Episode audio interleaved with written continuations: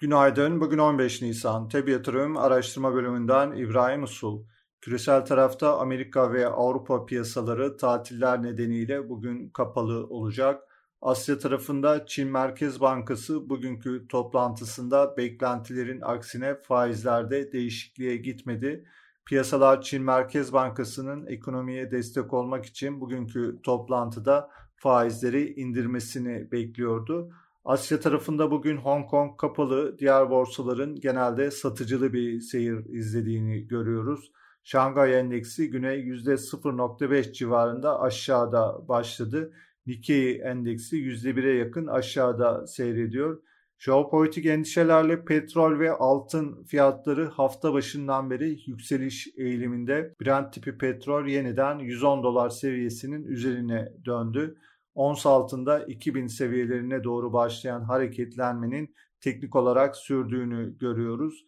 Avrupa Merkez Bankası dünkü toplantısında beklenildiği gibi faizi değiştirmedi. Açıklamalar ise beklenildiği kadar şahin tonda gelmedi. Toplantı sonrası Euro dolar paritesinin son 2 yılın en düşük seviyelerine gerilediğini gördük. Avrupa borsalarında pozitif kapanışlar yaşandı. Bugün içeride veri gündemi sakin. Dünkü para politikası kurulu toplantısında gösterge faizde bir değişikliğe gidilmedi. Borsa İstanbul tarafında ise pozitif momentumun korunduğunu görüyoruz. BIST 100 endeksinde TL bazlı yeni bir tarihi kapanış dün yaşandı.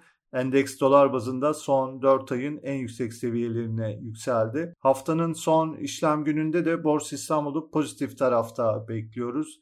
Endekste dolar bazlı 179, TL bazlı 2640 seviyesine doğru başlayan hareketlenme devam ediyor.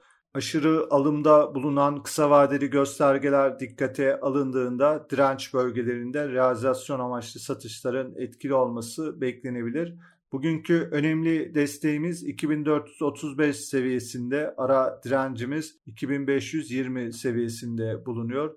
Stop loss noktası olarak ise 2300 seviyesini izliyoruz. Hisse tarafında vakıf gayrimenkulde son 1,5 aydır etkili olan yükselen trend ara düzeltmelerle devam ediyor. Göstergeler olumlu. Teknik olarak Aksigorta, Enka İnşaat, Garanti Bankası, Kardemir'de Migros, Türk Hava Yolları hisselerinde göstergeleri olumlu yönde izlemeye devam ediyoruz. Piyasaları değerlendirmeye devam edeceğiz. Teb yatırım olarak herkese iyi bir gün diliyoruz.